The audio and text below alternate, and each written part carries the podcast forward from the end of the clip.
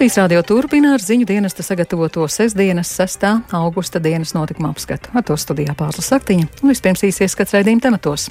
Pēc Krievijas apšaudējuma apdraudēta Zaporīžas atomelektrostacijas droša darbība. Uzņēmēji nav droši, ka vajadzīgajā laikā saņems arī pašlaik par augstām cenām rezervēto gāzi.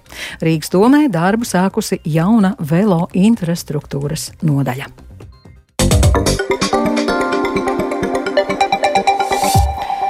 Ir apdraudēta Zaporīžijas atomelektrostacijas droša darbība pēc Krievijas karaspēka vakar sarīkotajām apšaudēm tās tūmā. Ukrainas prezidents Valdimirs Zelenskis aicinājis noteikt sankcijas pret Krievijas kodoli industriju. Krievijas karaspēks Ukrainā turpmāk koncentrēsies pozīciju atgūšanai Dienvidu frontē, paziņojuši Rietumvalstu militārie analītiķi. Viss liecinot, ka iebrucēju nākamais mērķis ir Mikolājevas pilsētas ieņemšana. Un par to vairāk Ulda ķēzberes sagatavotajā ierakstā. Zaporīžies atomelektrostacijā ir atslēgts viens no trim strādājošajiem energoblokiem pēc vakar notikušajām apšaudēm elektrostacijas tuvumā, šodien paziņoja Ukrainas Nacionālais atomenerģijas uzņēmums Enerhoatom. Ukraina apgalvo, ka Krievijas karaspēks divreiz apšaudīja teritoriju netālu no Zaporīžies atomelektrostacijas.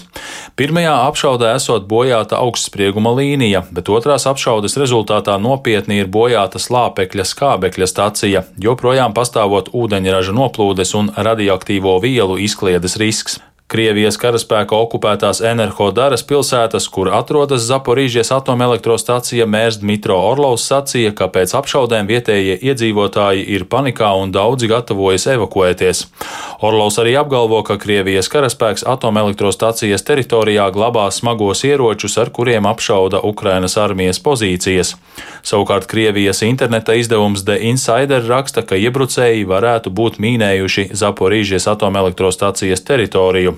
Ukrainas prezidents Volodimirs Zelenskis paziņoja, ka uzbrukumi Zaporīžies atomelektrostacijai radīja apdraudējumu visai Eiropai. Це найбільша атомна станція на нашому континенті, і будь-які обстріли цього об'єкту це відвертий, зухвалий злочин, акт. Tā ir lielākā atomelektrostacija mūsu kontinentā, un šī objekta apšaudīšana ir atklāts, nekaunīgs noziegums, terorakts.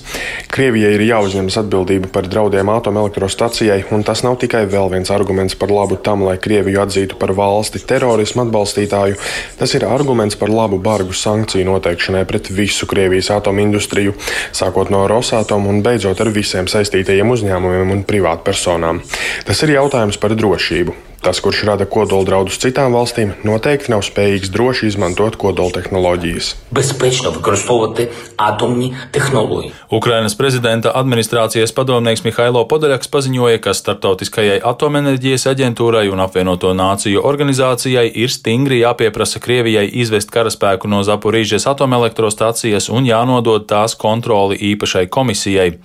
Eiropas Savienības ārlietu vadītājs Žozefs Borels nosodīja Krievijas militārās provokācijas instalācijas Eiropas lielākās atomelektrostacijas tūmā un pieprasīja nodrošināt starptautiskās atomenerģijas aģentūras ekspertiem pieeju elektrostacijai. Krievijas uzsāktais karš Ukrainā ieiet jaunā fāzē, tā uzskata Lielbritānijas militārie izlūkdienesti, viss liecinot, ka Krievijas karaspēks turpmāk galveno uzmanību veltīs kara darbībai Ukrainas dienvidos, kur valsts aizstāvji īsteno sekmīgas pretuzbrukuma operācijas.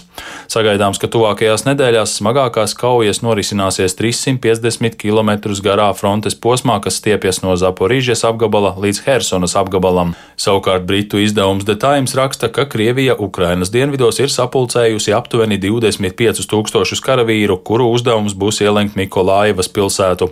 Pašlaik frontes līnija atrodas aptuveni 2 km no pilsētas robežām. Detājas raksta, ka Mikolājevas ieņemšana esot būtiska, lai Krievijas karaspēks varētu virzīties uz Odesu. Pagaidām nekas neliecina, ka Krievijas uzsākto karu Ukrainā varētu izbeigt diplomātiskā ceļā. Tomēr šādas cerības neatmet Turcija, kas cenšas ieņemt vidutāja pozīciju starp karojošajām pusēm. Turcijas prezidents Reģeps Taips Erdogans paziņojis, ka viņš vakar tiekoties ar Krievijas prezidentu Vladimiru Putinu, piedāvājis Kremļa saimniekam tikties ar Ukrainas prezidentu Volodimiru Zelenski. Erdogans esot pārliecināts, ka šajā karā nebūšot uzvarētāju, bet mieru varēšot panākt tikai pie sarunu galda. Savukārt Erdogana padomnieks Fahretins Altuns paziņojis, ka karš Ukrainā nebeigsies, ja pasaule ignorēs Krieviju. Viņš arī sacīja, ka atsevišķi Turcijas sabiedrotie nevēloties, lai karš Ukrainā beigtos. Uldis Česberis, Latvijas radio. Latvijā uzņēmējs satraucas, ka valdība gāzes apgādes garantijas nodrošinājis tikai mājasaimniecībām un strateģiski svarīgajiem uzņēmumiem. Latvijas Tirzniecības un Rūpniecības kameras valdes priekšstādātājs Jānis Enziņš secina, ka valdības nostāja ir biznesam jārūpējas pašam par sevi. Taču pat tiem komersantiem, kas pašlaik par augstām cenām it kā rezervē gāzi ziemai, nav garantiju, ka vajadzīgajā laikā pie gāzes vispār tiks. Tur šobrīd tā situācija ir vismaz diviem leņķiem problemātiska. Pirmkārt, jau paši piedāvājumi, cik viņi ir un uz kādiem termiņiem ir. Ir uzņēmumi, kuriem līgumi ir tikai uz mēnesi, varbūt ir tādi, kuriem nav. Un otrs ir tas, ja gadījumā tiešām izveidojās kaut kāds pats melnākais scenārijs un um, tiešām bija problēma ar pieejamās gāzes apjomu, tad iedarbojās un pie krīzes risinājumi, proti, ka tur zinām lietotāju grupas sāk atslēgt vai mazināt šīs gāzes piegādes. Un, Diemžēl pēc esošiem noteikumiem sanāk, ka biznesa pat tie, kuri ir nu, par šā brīža trakajām cenām arī nopirkuši gāzi, arī tos tāpēc atslēdz. Šādos apstākļos runāt par tādu drošu sajūtu, protams, ir sarežģīti. Tā kā šīs ir tās lietas, kuras noteikti ir jāatrisina, un tad mēs varēsim justies mazliet drošāk, protams. No 1. augusta Rīgas domes satiksmes departamentā darbu sākusi jauna velo infrastruktūras nodaļa. Tās uzdevums būs organizēt ar mobilitātes uzlabošanu saistītus jautājumus. Organizācijas, kas rūpējas par pilsētu vidas uzlabošanu, no jaunās nodaļas sagaida konstruktīvu un uz pilsētas iedzīvotāju interesēm vērstu darbu. Turpina Kristaps Feldmanis. Pirmo reizi Rīgas domes satiksmes departamenta struktūrā ir iekļauta velo infrastruktūras nodaļa. Tā darbu sākusi vien 1. augustā. Šobrīd divu cilvēku sastāvā to vada Ieva Pastare, savukārt nodaļas vadītāja vietnieks ir arhitekts, pilsētplānošanas un mobilitātes uzlabošanas jautājumu aktīvists Oto Ozols. Ozols skaidro, kopumā struktūra vienībā plānotas četras štata vietas un jaunā nodaļa par spīti tās nosaukumam, kas ietver vienu velotransportu, risinās visus ar mikromobilitāti saistītus saistītos jautājumus pilsētā. Turpina jaunizveidotās nodaļas vadītājs vietnieks Otto Ozols. Veloinstruktūras nodaļa nerūpēsies tikai par veloinstruktūru, bet arī par mikromobilitāti, kuras iekšā ir gan gājēji, gan velobraucēji, gan arī dažādi skūteri, arī tās problēmas mēs mēģināsim risināt. Jo arī pati veloinstruktūras būtība jau ir tāda, ka mēs arī padaram drošāku vidu gājējiem. Ja šobrīd daudz velobraucēju brauc pa ietvēm, jau nav labs risinājums, tāpēc arī tā veloinstruktūra vajadzīga. Ozols skaidro, līdz šim atbildīgie par jautājumiem, kas saistīti ar mikromobilitāti un velo infrastruktūru, bija tā teikt izkaisīti pa visu vietvaru. Šobrīd izveidotā nodaļa ļaušot koordinētāk un operatīvāk risināt jautājumus, kas skar skara mobilitāti un pildīt saistošajos attīstības dokumentos nospraustos mērķus. Ozols skaidro, šobrīd nodaļas galvenie uzdevumi ir saistīti ar jau iesākto projektu pārskatīšanu un iespējamu uzlabojumu ieteikšanu, tāpat darbs noris arī pie jaunu iniciatīvu izvērtēšanas un izstrādes. Tikmēr apvienības pilsēta cilvēkiem valdes loceklis Rudolfs Golubovs sakās, kopumā ideja par atsevišķas nodaļas izveidi mikromobilitātes attīstīšanai nav slikta, taču šobrīd trūkstot skaidrības par to, kādi tieši būs nodaļas uzdevumi un arī iespējas, ko mainīt. Tāpat Golubovs cer uz iespēju sadarboties ar nodaļu dažādu problēmu risināšanā. Pagaidām vēl nav īsti saprotams, ko tieši varēs šī jaunā vēlā nodaļa panākt. Tad, kad redzēsim jau kādus pirmos darbus, tad varbūt mūsu viedoklis mainīsies. Katrā ziņā mēs noteikti vērtējam pozitīvi, jo tas nozīmē, ka būs vismaz atbildīgie cilvēki, kas atbildēs par velo infrastruktūras attīstību Rīgā. Tikmēr Rīgas domas satiksmes departamenta velo infrastruktūras nodeļas vadītājs vietnieks Oto Ozols aicina arī pilsētas iedzīvotājus iesaistīties un izteikt savas domas par to, kas pilsētā būtu uzlabojams. Ja iedzīvotājiem ir kādas idejas lietām, ko var pilsētā uzlabot. Kaut vai tāda pavisam vienkārša lieta, kaut kāda apmaļu nolīdzināšanas noteikti var sazināties. Un šīs arī ir viens no virzieniem, ko mēs varam pavisam ātri izdarīt. Jā, varbūt kaut kādu maršruti, kur var nolīdzināt kaut kādām lielākām ielām, tur apmalas vai arī tāds ātrs izdarāms darbiņš. Ozols skaidro, jau šogad nodaļai ir pieejams finansējums dažādu projektu īstenošanai, taču nākamajā gadā būs iespējams ieplānot konkrētākas lietas, jo tad ar jauno nodaļu rēķināsies jau veidojot nākamā gada budžetu. Kristaps Feldmanis, Latvijas radio. Sestdiena tuvojas noslēgumam, taču dienas galvenais sporta notikums tepat Latvijā vēl tikai sākas.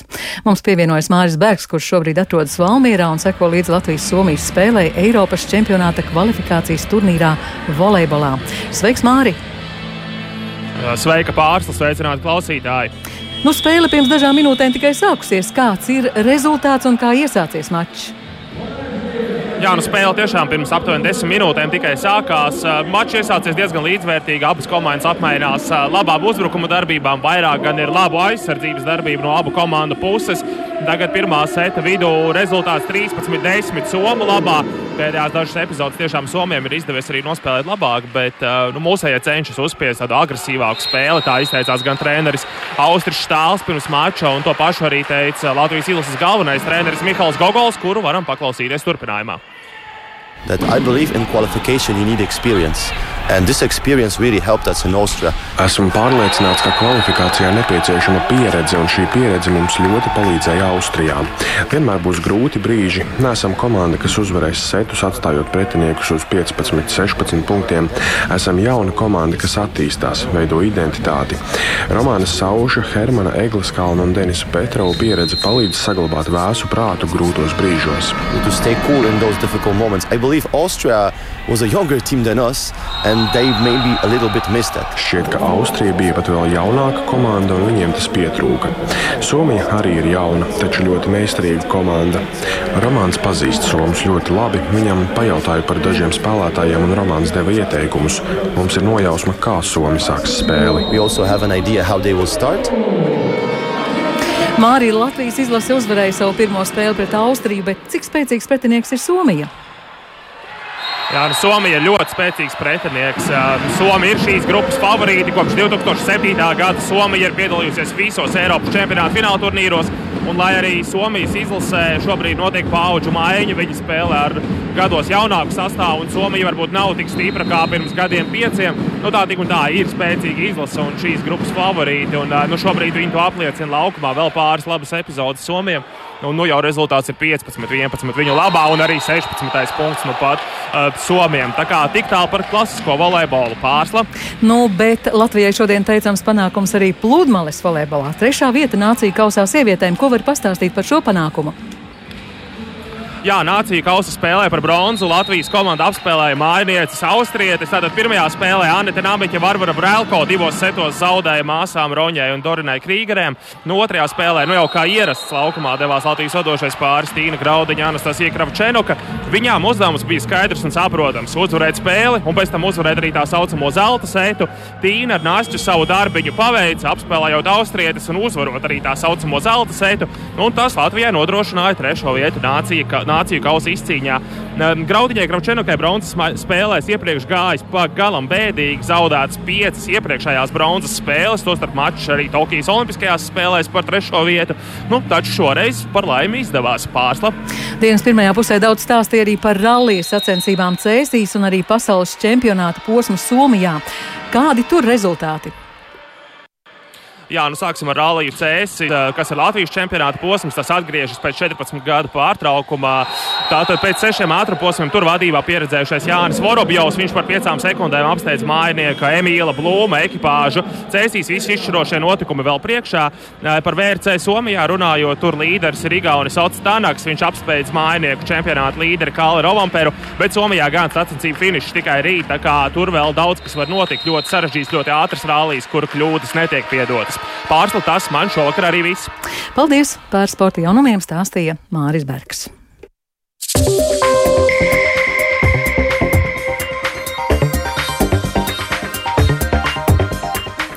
Un ar to izskan dienas notikuma apskats. Producents Edgars Kupčs, ierakstus montēja Renāša Steimanis, par labskaņu rūpējās Rīta Karnača un ar jums runāja Pārslas Saktiņa. Vēl īsi par svarīgāko. Pēc Krievijas apšaudējuma apdraudēta Zaporīžijas atomelektrostacijas droša darbība. Uzņēmēji nav droši, ka vajadzīgajā laikā saņems arī pašlaik par augstām cenām rezervēto gāzi. Rīgas domē darbu sākusi jauna velo infrastruktūras nodaļa. Šī raidījuma atkārtojums Latvijas radio mobilajā lietotnē, Latvijas radio ziņām sekojiet arī Latvijas radio 1 Facebook lapā un LSMLV. Yeah.